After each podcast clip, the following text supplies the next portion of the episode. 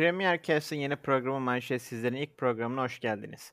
Ben Kaan Meriç, Koralp Selçuk ile her çarşamba sizler için Big Six haricindeki ilgin trenin o zengin Anadolu kulüplerini, hamlelerini ve o haftaki sonuçlarını değerlendireceğiz.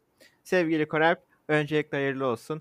Seninle daha önce NBA konuştuk, doping üzerine konuştuk. Sporu bırakan isimlerin ee, onlar yani spor hayatlarından sonra onlara verilmesi gereken psikolojik desteklerinden konuştuk. Trans bireylerin spordaki yerine hatta onların laboratuvar sonuçlarını da konuştuk.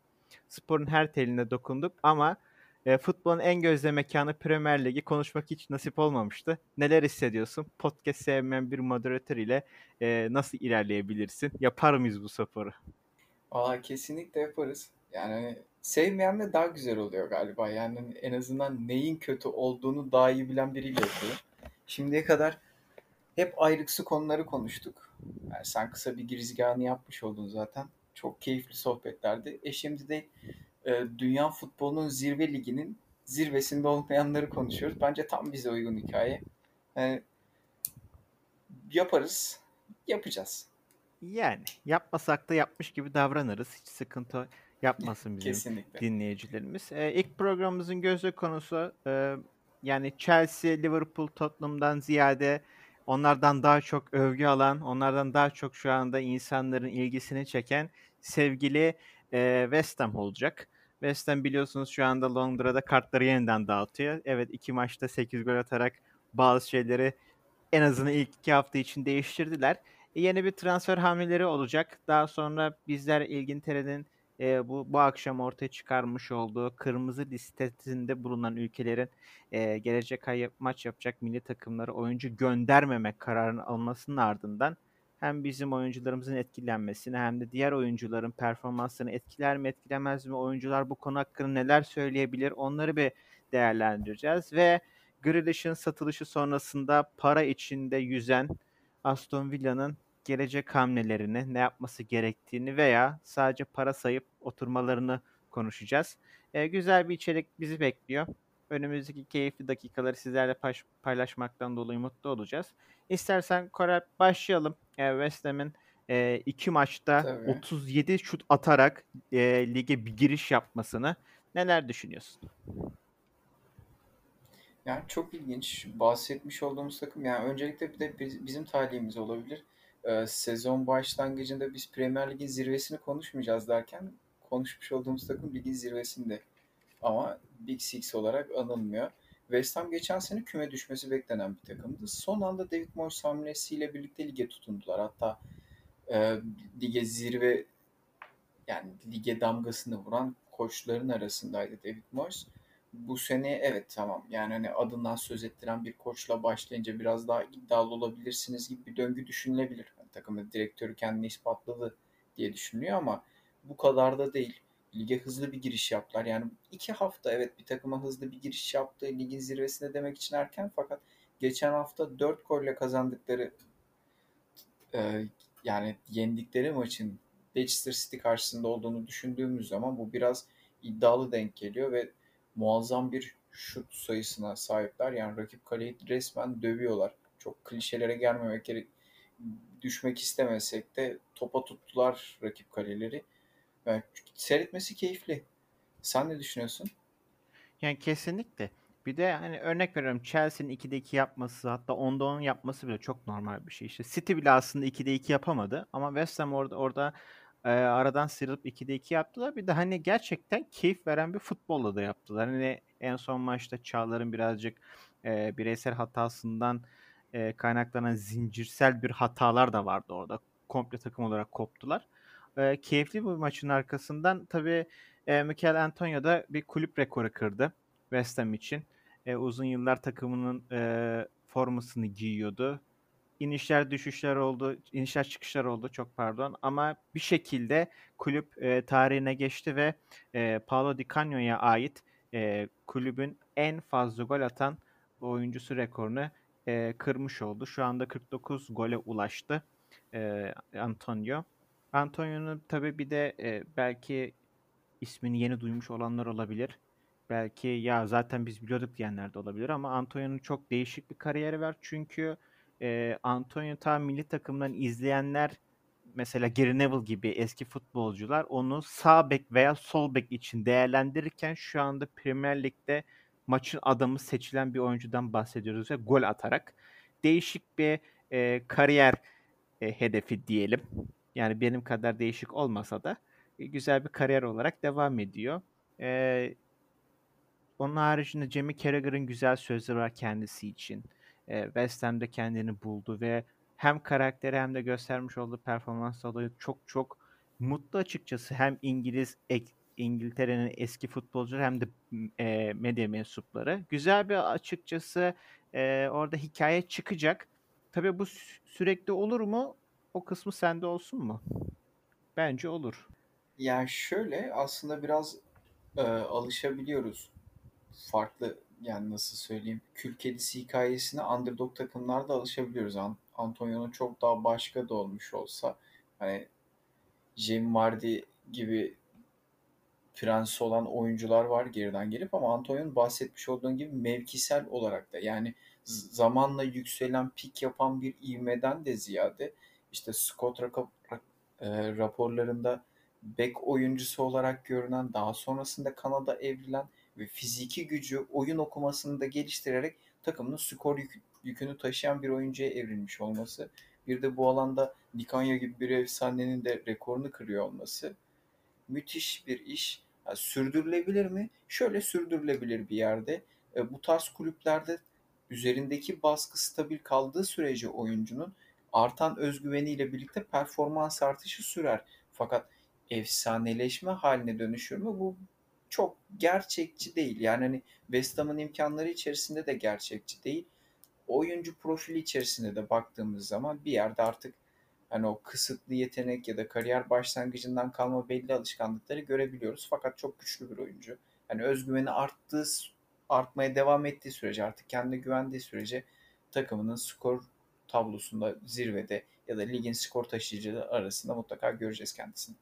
Evet şu anda da zaten gol krallığı için hani diğer rakiplerinden daha fazla gol atarak arayı açacağım tarzının açıklamaları da vardı. Rekoru kırdıktan sonra çok güzel sevinçlerinde yaptığı maç sonu röportajları aşırı keyifliydi. Hani sanki 17-18 yaşında ilk defa bir büyük bir takımla maça çıkan genç bir oyuncu heyecanı vardı kendisinde.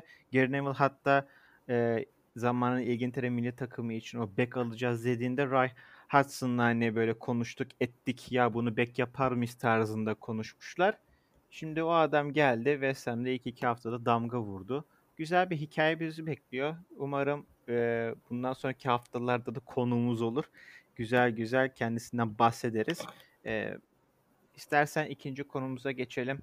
Bu pandemi dönemiyle alakalı maalesef e, bunların etkileri devam ediyor. Aşı olduk olmadık onun etkisi bunun etkisi derken ülkeler mecbur kaldıkları için bazı e, kısıtlamaları gitmek zorunda kalıyorlar. Çünkü hem kendi haklarını hem de e, maddi durumları açıkçası o ekonomik e, sebepler, ekonomik e, gelişmeler onları da etkiliyor. E, bu akşamüstü çıkan bir Premier Lig'den kararla, daha doğrusu e, Birleşik Krallık'ta çıkan bir kararla e, koronavirüs salgını nedeniyle İngiltere'nin kırmızı listesinde bulunan ülkelerde gelecek ay e, maç yapacak milli takım oyuncularına e, yasak konuldu. E, bu da demek oluyor ki işte Çağlar gibi e, da e, bu yaz döneminde e, ismini çok çok duyduğumuz sevgili Halil Dervişoğlu gibi işte geçen hafta Watford'a giden Ozan Tufan gibi önemli genç oyuncularımızın e, bu yasaktan etkilenmesi söz konusu. Bir yandan da işte Türkiye birkaç gün içerisinde bu kırmızı listeden çıkacak da şöyle olacak da böyle olacak tarzında dedikodular da ortaya çıktı. E, sence oyunculara bir e, inisiyatif tanınır mı? Belli başlı ülkeler oyuncularını yoksa oyuncular böyle resmi çeker. Ne düşünüyorsun Korap?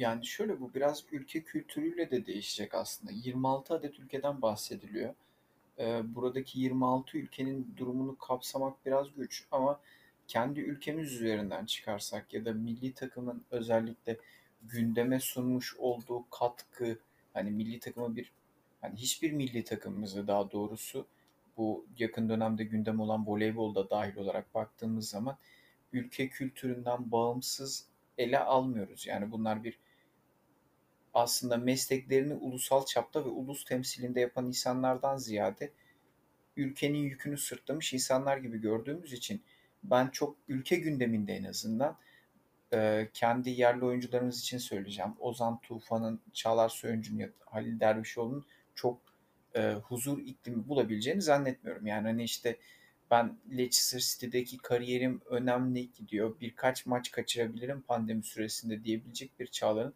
ülke gündeminde rahat bırakılacağını zannetmiyorum. Bu da bir yanda şunu da getiriyor aslında. Premier Lig'inde çözmesi gereken bir kriz. Çünkü bu sadece bizim ülkemizde de yaşanmayacaktır. Yani hani çok kritik oyuncuları Premier Lig'de oynama ihtimali çok yüksek milli takımlarda. Çünkü e, futbolun zirvesi ve bu anlamda da Premier Lig'de bulunan oyuncu portföyü oldukça yüksek. Yani ülkeler için çok önemli oyuncular. Bu biraz da Premier Lig'in de bürokrasi yönetimiyle ilgili de bir sınav olacak diye düşünüyorum ben. Çünkü yani şunu düşünün. Ee, belki karşılaşma öncesinde çok bunu düşünmediniz. Underdog bir takımla milli takımınız karşılaşma oynuyor. Yıldız oyuncunuz da Premier Lig'de kaldı ama şunu düşündünüz dediniz ki alternatifinde birçok değerli isim var bizde ve rakip de çok önemli değil. Hani kriz yaşamaya gerek yok. Olası bir şanssızlık durumunda beraberlik ya da bir yenilgi aldı milli takımınız bu Premier Lig'in kararını sorgulamaya yetecektir. Çünkü biliyorsun bir başarısızlık durumunda biz ilk etapta kendimiz dışarısında başarısızlığı Tabii. oluşturan en kolay etmenleri arıyoruz insan olarak. Bu sebepten dolayı Premier Lig'in bir de bunu önüne alması lazım. Ben açıklamalara baktığımda çok e, biz göndermeme kararı aldık dışarısında. İşte buna uymayan oyuncuya yapacakları yaptırım nedir? Ya da işte e, ya da buna uymadığı zaman bununla ilgili nerede muhatap olacak? Mesela bir başka federasyonda milli takıma çağrılan oyuncu kesinlikle gelmek zorundadır gibi bir açıklama yaptığında bunun resmi bağlayıcılığı nedir mesela oyuncu için? Kesinlikle. Federasyona göre mi hareket edecek yoksa lige göre mi? Tabii. Öyle bir sorun yani hani, ortaya çıkıyor. E, tabii. Yani bir de bunun içinde mesela şöyle de bir durum var. Futbol yani turnuvaya göre FIFA ve UEFA'ya bağlı bu kurumların hepsi aynı zamanda e, diğer liglerin böyle bir inisiyatifi var mı? Yani hani ya da işte bir oyuncu hakkını arayabiliyor mu bunda mesela? Yani hani bu da benim bir kariyerim ve ben meslek olarak yapıyorum. Kendimi uluslararası bir turnuvada da göstereceğim deme hakkına sahip gibi gibi yani iş hukukuna dair de çok fazla alan getiriyor. Ben o yüzden çok e, bu kuralın uygulanabilirliğinden ziyade Türkiye'nin çıkması da dahil gündemlerde şunu düşünüyorum. Yani hani FIFA ve UEFA'nın ana arter ülkelerini yani Avrupa ülkelerini buradan muaf tutacak bir şekilde belki yapabilirlerse yapacaklardır. Yani bu da işte olsaydı bir Afrika Ulus Kupası'na falan etki ederdi gibi geliyor. Bana çok cılız geldi bu yüzden. Bana da çok böyle yalap şalap bir e, açıklama gibi geldi. Yani şöyle bir durum da var. İlgintere'deki koronavirüs vakaları da çok sıkıntı. Hani bizim ülkemizdeki gibi. Hani onlar da böyle 4-5 ayrı e, aşamalı bir geçiş dönemindeler. En son onlar da tamamen açıldı. Ama yani Brian Johnson e, o başbakanlığında süre gelen o bütün o kararsızlıklar açıkçası futbolda yansımış gibi hissediyorum ben. Hani iki gün sonra işte tamam bunları kaldırdık. Üç gün sonra da tam Afrika'yı da e, oyuncu gönderebilirsiniz tarzında bir açıklama açıkçası bekliyorum. Hele FIFA ve UEFA'nın e, yani herhangi bir kediden daha fazla hareket edip karar değiştirmesi, ani hareket etmesi e, bizleri şaşırtmıyor artık. Onlar da ayrı bir karar verirler. Üç gün sonra tamam vazgeçtik deriz. Hani oradaki sadece hani işte sporcuların yani futbolcuların belli başlı sayıda maç kaçırabileceği konusu işte burada insanları ve kulüp yönetimini açıkçası burada arada bırakıyor. E bakalım ne olacak? Hani bence izin verilmeli. Madem o kadar çok koruyorsun, Tabii. stada 50 bin seyirci alıyorsun. Burada sıkıntı yok. Sadece bir oyuncunun 2 saatlik Avrupa uçuşu mu sıkıntılı? İşte bunlar e, belki de siyasi şeylerdir. Bilemiyoruz. Dış minnakların oyunu da olabilir. E, bizim yapabileceğimiz bir şey yok bu konuda.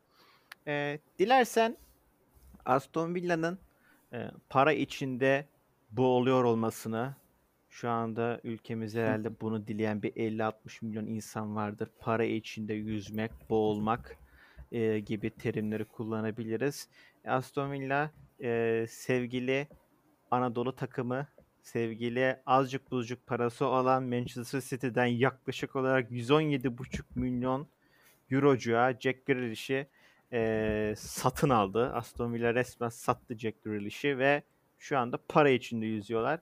E, biz de düşündük dedik ki Aston Villa nasıl değerlendirmeli? E, oyuncu mu almalı? Yoksa parayı mı saymalı? Yoksa teknik direktörü mü yollamalı? Biraz da bunu değinelim. Sonra tekrardan transfer hamlelerine Cristiano Ronaldo ve e, Kurt Zuma'ya değineceğiz. Söz sende Korep. Peki öncelikle e, Grealish yani ayrılacağı belliydi elbette ki hani yıllarını Ast- Aston Villa'da geçirmiş çok kısa süre içerisinde efsaneleşmiş bir isim. Yani bu konuda ayrılığıyla da bence Aston Villa'ya oyuncu olarak öncelikle buradan bakarsak büyük değer kazandırdı. Yani hani Aston Villa'nın imkanları dahilinde baktığımızda bir sporcu olarak verebileceğiniz en büyük iş aslında milyon dolarlar kazandırmak. Yani hani bu milyon dolarlar doğru kullanıldığı takdirde Aston Villa'nın da büyük bir potansiyel olacak. Gerçi bu milyon dolarları da şöyle bakmak lazım. Para içinde yüzüyor ama bu gene de senin demiş olduğun gibi ülkemizde birçok insanın hayali fakat e, bahsetmiş olduğumuz rakamlar Premier Lig'de biraz daha eriyebiliyor. Yani hani Premier Lig'in bu konuda biraz şanssız da bir durumu var. Hatta diğer Avrupa ülkelerinde de bir oyuncunun ederi 5 milyon euroysa bir Premier Lig takımı sormuş olduğunda bu transfer niyetinde 15 milyon 20 milyon olabiliyor. Hani bu açıdan da biraz daha bir Türkiye'deki bir kulübün 100 milyonluk transferiyle eş değer değil. Fakat. Aston Villa'dan gene de beklediğimiz işte bu bir transfer hamlesi ya da işte en azından transfer dedikoduları içerisinde ligin zirve isimlerine ulaşmış olduğu ya da bu eski büyük şaşalı Aston Villa dönemlerini geri almak istediği bir hamleyi biz göremedik. Hatta bütün yazda bekledik aslında bu miktar nerede gelecek yani Grealish bir gün satılacak bu belli ve iyi para kazandıracak. Bununla ilgili kimi alabiliriz diye sanki böyle bir atılım yapmadılar. Hani bizde bu biraz cılız geldi ve taktiksel olarak da hani bunu göremedik. Bir tek evet. e, Danny Ings transferi var. Danny Ings evet skor yükünü taşımada çok önemli katkılar sundu ve hatta jeneriklik gol golleri var geçtiğimiz hafta.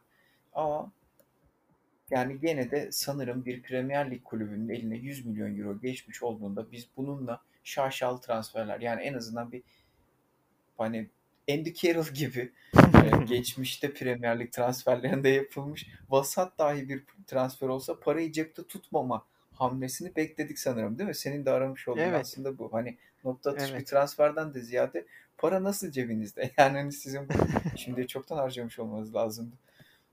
Yani zaten para üçünde yüzen bir kulüpler mevcut Premier Lig'de. Bir de onun üstüne 120 milyoncuk daha koyuyorsunuz. Yani e, evet. işte son e, yurt dışı kaynaklardan Fransa'dan vesaire haberlere göre Ronaldo'nun da işte City'ye olan bir transferi mevcut. Öyle bir dedikodu ortaya çıktı. E, ben de yayından önce dedim ki ya Aston Villa Ronaldo'yu alsa ne olur? Çünkü City'de yer yok. yani koskoca Ronaldo'ya gerçekten sizde de yer yok. Aston Villa alsa o para Juventus'a bassa Avrupa'da bir kartlar yeniden dağıtılmayı bırakın. Flash Royale olsa dedim ama çok da mantıklı değil. Sen ne düşünüyorsun bu konu hakkında? E, hem Ronaldo'nun City'ye gidişi hem de Arsenal e, pardon Arsenal diyorum. Onları da anmış olduk. Hem de Aston Villa'nın hani bu bu paraları harcayacak tek bir oyuncuya mı odaklanmalılar yoksa kulübe yeni tesis mi yaparlar? Televizyon mu alırlar? yani ya şöyle aslında yani hani e, ihtiyaçlara dönük normalde mantıklı açıklaması bunun ihtiyaca dönük değerlendirilmesi. Yani Grealish'in açığını kapatamazsın. Aston Villa olarak kapatamazsın daha doğrusu. Yani hani Grealish'in eşi benzeri olmadığından değil fakat o portföyde o çıtayı taşıyacak bir oyuncusu yoksa o zaman orta sahada skor yükünü çekebilecek ve forvette skor yükünü çekebilecek iki oyuncuyla hatta Grealish'in orta sahada e, savunma yönüne de vermiş olduğu katkı ve getirmiş olduğu enerjiyle benim beklemiş olduğum hatta e, bunun adayları da geçti. Defansif orta sahalar düşünüldü. Hani işte savunma ikilisi McGinn Douglas Lewis ikilisinin yanına birileri düşünülmüştü. Hani bir birçok aday geçti ama cüzi miktarlar harcadılar. Hani bir kişiye harcanabilir mi? Premier Lig kulüpleri aslında bunu yapıyor. Yani hani işte bizdeki alışkanlıklar gibi değil ya da Avrupa'nın diğer kulüplerindeki alışkanlıklar gibi oyuncu satıldığında sanki para yokmuş gibi çarkların işleyişi değil. Yani bir Alman kulübü vari değil. Direkt Grealish'in yerini dolduracak bir oyuncuya işte mesela bu kim olabilir diye düşündüğümde bir Premier Lig için pazar büyük olduğundan kaynaklı bir Fransa Ligi'nde zirve takımlardan işte Lyon'dan bir yıldız isim bir anda Aston Villa'ya katılabiliyor. Ben böyle hamleler bekledim aslında. İşte hani İspanya'dan olabilir. Yani Atletico Madrid'den hı hı. dahi oyuncu alabiliyorsun. Yani İspanya Ligi'nin şampiyonu dahi orta sırada bir Premier Lig takımına katılabiliyor. Çok büyük bir pazar. Fakat bunu yapmadılar. Ee, Ronaldo örneğini verdin. City'ye değil de bir anda Aston Villa'da görsen hani Maradona Napoli hikayesi yaratır mı? Öyle bir şok yaratır. Yani hani başarılı olma dinamiği elbette ki aynı şey olmayacaktır ama daha çok eğlenirdim açıkçası. Yani bana şeyle gelmiş olsa işte Aston Villa Dean Smith onu yapamaz ama yani iyi bir koç çevresinde çünkü e, teknik heyetten John Terry'nin de ayrılmasıyla birlikte orada bir boşlukları da var aslında. Yani hani iyi bir futbol aklı çevresinde Aston Villa tekrardan yapılanıyor. İşte 117 milyonlarını değerlendirecekler. İşte birkaç gençleri var. Altyapıya yatırım yapmışlar. Çok potansiyelli oyuncular geldi. Almanya'dan gençler geldi kısmında futbol aklı olarak bakardım ama yani hani ben Premier Lig'e tam olarak da öyle bakamıyorum. Yani işte Premier Lig bu dendiği zaman benim aklıma hep şey geliyor. Yani hani e, büyük sesli taraftarlar, paralarımızı saçıyoruz. Biz ligi böyle seviyoruz. Yani hani işte Almanya'da bir futbolcu mu yetişmiş? Altyapıda işte beşiğinden mezara emek mi vermişsiniz? Tamam bizim paramız var kardeşim yani hani alalım. Ben bunu oynatacağım yani çok sağ olun. Hani buraya kadar yetiştirmişsiniz. E bir tane daha siz yetiştirin zaten yani hani. Evet, uğraştırmayın beni onlarla. Aynen yani hani biz İngiliziz abi. Hani ben o sırada bira içiyordum. Yanaklarım kırmızı ve ben çok mutluyum. Gibi bir şey bekliyorum ben bu adamlardan. Bunu da yapmadılar çok ilginç oldu. Yani ben Aston Villa adına hayal kırıklığı olarak görüyorum. Sezonu başarılı geçirseler dahi benim için yazı çok kötü geçirdiler. Acaba inanmadılar mı onun bu fiyata satılacağına? yani ya da belki de şeyi düşündüler yani hani biz Aston Villa'yız. hani geçen sene daha geçen seneye kadar atlıktaydık biz. Biraz bir sabredelim falan diye düşünmüş de olabilirler. Belki düşeriz. Hani yani bilmiyorum evet ya bir, sanki böyle bir plansızlık var. Hani hiç böyle A, B, C, D, E planı değil de hani hiç A planı yapmamışlar gibi. Yani hiçbir dedikoduları ortaya çıkmadı, bir şey ortaya çıkmadı ama yani 5 aydır Jack Grealish'te uyanıyoruz ve Jack Grealish'te yatıyoruz onun dedikodularıyla. Aston Villa yönetimi o sırada Erasmus mu yapıyordu, yurt dışında e, karantinada mı kaldı hiçbir fikrim yok. Ama hiçbir şeyden haberleri yokmuş gibi takıldılar. O garip geldi. Hani bu e, transfer dedikoduları, dedikoduların arasında. E tabii bir de e, Aston Villa bu kadar bir şey yapmazken West Ham tabii ki de e, Chelsea'den şu anda Avrupa'nın en formda takımlarından Chelsea'den e, Kurt Zuma'yı e, kadrosuna katmak üzere herhalde %99 olmuştur. 5 e, yıllık bir anlaşma söz konusu. Birkaç dakikada bunu değinelim sonra e, dinleyicilerimize çok da sıkmadan e, kapatmış oluruz ilk programımızı. E, Zuma biliyorsunuz e, gençti bir ara kayboldu gitti geldi derken şu anda 27 yaşında ve gerçekten de e, bir zamanlar ya Türkiye Süper Ligi'nde de oynar mı oynamaz muhabbeti olmuş bir stoper ve şu anda e, İngiltere'den bir başka İngiltere takımına e, Chelsea'den e, West Ham'a gitmek üzere. E, 30 milyon e, euroluk bir bonservis ücretiyle 5 yıllığına e, sözleşme imzalamak üzere e, TF1 kanalından gelen bir bilgi bu. E, yarın da Paris'te e, sağlık kontrolünden geçecekmiş. Herhalde birkaç hafta sonra da West Ham formasıyla e, belki de lider takımın e, o liderlik tablosunda en üst sırada kalmasını e, sağlayacak önemli parçaları da biri takıma katılmak üzere. Zuma hamlesiyle ilgili eklemek istedikleri neler Koralp? Evet, eklemek istediklerinden önce çok kısa Aston Villa ilgili de, şeyi bahsedeyim. Yani şimdi biz az önce konuştuk. Şeye takılmış oldum dinleyen dinleyicilerde. Abi bunlar para harcadılar diyebilirler bu arada dinleyicilerimiz. Hani Premier Lig kulübü için sıradan paralar harcadılar. Yani hani Buendia, Danny Ings, evet. Leon Bailey gibi transferler var. Fakat biz hani 100 milyonluk sansasyonel bir satış yani ekstra bir geliri olan takımın harcamasını bekledik aslında. Yani yoksa bir Premier Lig takımının 50-60 milyon 70 milyon harcamasıydı transfer döneminde standart hamleler. Ee, tekrardan Kurt Zuma'ya dönüyorum. Yayınımızı açarken överek başladık West Ham'dan. Muazzam bir hücum takımına dönüştükleri. Yani en azından şöyle sistematik bir hücum takımı olabilirler mi sezon boyunca bilmiyoruz ama rakip kaleye 37 şutla gelen inanılmaz istekli hücum oynayan bir takımdan bahsediyoruz ve bu takımın bir sonraki hamlesi de savunmaya kurtulma. Yani Chelsea'de çok fazla popüler olan bir oyuncu değildi elbette ki. Yani hani iyi dönemleri de oldu fakat her zaman bir potansiyelini koruyan ve fiziki olarak Premier Lig'in hiç gerisinde kalmayan bir oyuncuydu. Hani e, top seviyeyi karşılayamadı evet ama hani e, Premier Lig'e uygun değil yorumunu yapabileceğimiz bir oyuncu değil asla. Yani fiziki olarak çok iyi, sürati olarak da gayet iyi bir Kesinlikle oyuncu. Kesinlikle değil. Ve West Ham'a bir de böyle bir gücün katılmış olması bende biraz daha şey e, hissini uyandırıyor. Yani West Ham'ın önümüzdeki sene Avrupa kupalarında yer alacak bir sırada ligi bitirme şansı gayet mümkün ve bu bir sene öncesinde küme düşmenin eşiğinden dönen bir takım için çok muazzam bir hamle. Kesinlikle hem forveti e, aynı tipte hem de savunma oyuncusu aynı tipte. Hani fiziki yapıdan bahsediyoruz. E, bence de Avrupa hamleleri için yani sanki bu sene değil de ya bakın işte gelecek seneler içinde bir şeyler yapacağız tarzında güzel hamleler yaptı West Ham. E, oynadıkları futbola da açıkçası keyif veriyorlar. İlk iki hafta gerçekten çok dikkat çektiler. Umarız ki e, ilk altıyı zorlayacak, belki de ilk altıda devam edecek bir takım olacaklar.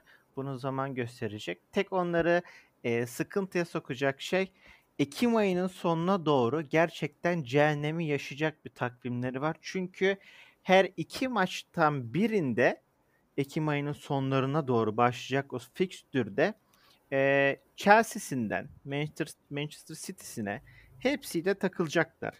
Yani Tottenham'a gelecek, Ever, e, Everton diyorum çok pardon. Chelsea gelecek, Liverpool'u gelecek ve arka arkaya oynayacaklar bunlar. 3 hafta içerisinde iki kere Tottenham ve Liverpool maçlarına çıkmak gerçekten takımı yıpratabilir. Orada hem e, rotasyonlarını e, tespit edecekler ya yeterli miyiz değil miyiz hem de açıkçası bu top 6 takımlarına karşı neler yapabilirler onları e, test etmiş olacaklar. Keyifli bir açıkçası Premier Lig sezonu yaşıyoruz. İlk iki hafta gerçekten keyifliydi. Senaryosuyla, dedikodusuyla. E, devamı da öyle olacak. Hatta çok daha iyi olacak diye düşünüyorum. E, kapatmadan önce eklemek istediklerin var mı Karp? Ee, yok. Yani West Ham fixture ile ilgili belki şey de söyleyebiliriz. Sadece Ekim'den de değil, Eylül ayında Manchester United'da başlıyor aslında. 19'da Manchester United ve Leeds United sonrasında bir başlayan fikstürleri var. Bu iki ay eğer onlarda bir bunalım yaratmaz ise sonrası çok daha rahat olacaktır. Onun dışarısında evet söylemiş olduğun gibi bizler açısından özellikle Top 6 dışarısında çok eğlenceli ve hareketli bir sezon başlangıcı geçirdik. Ve takımlarımızın potansiyellerini arttırması da bizlerin keyif, seyir zevkini arttıracak. Kesinlikle öyle. Hiçbir şey olmasa gündem yaratırlar bizlere. Kesinlikle. Ya da biz gündem varmış gibi çok güzel taklitte yaparız. Bakacağız artık. o zaman e, öncelikle... Manşetsizlere manşet olacağız. E, kesinlikle programın ismi nasıl böyle manşetsizler oldu kısmını ilerleyen programlarda e, anlatmaya çalışırız. E, bizi dinlediğiniz için çok çok teşekkürler. Premier Cast ailesine de bizleri konuk ettiği için, bize bu programda yer verdiği için teşekkürler. Gelecek hafta yine aynı günde, aynı saatlerde görüşmek dileğiyle. Herkese keyifli günler diliyoruz.